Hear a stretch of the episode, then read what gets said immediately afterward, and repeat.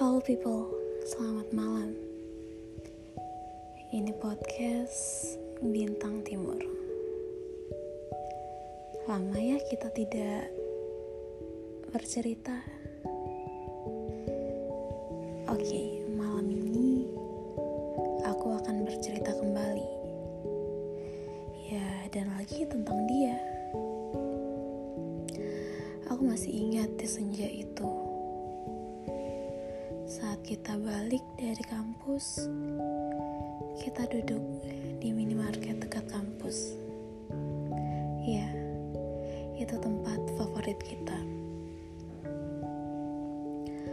Walau diam tanpa suara, tapi tetap aja aku suka. Suka senjanya, suka suasananya,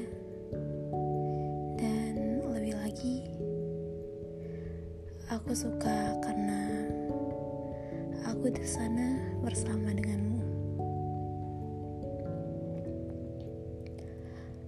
Aku masih ingat aroma parfummu, cara dudukmu, cara bicaramu, yang selalu membuat atensiku hanya terfokus kepadamu.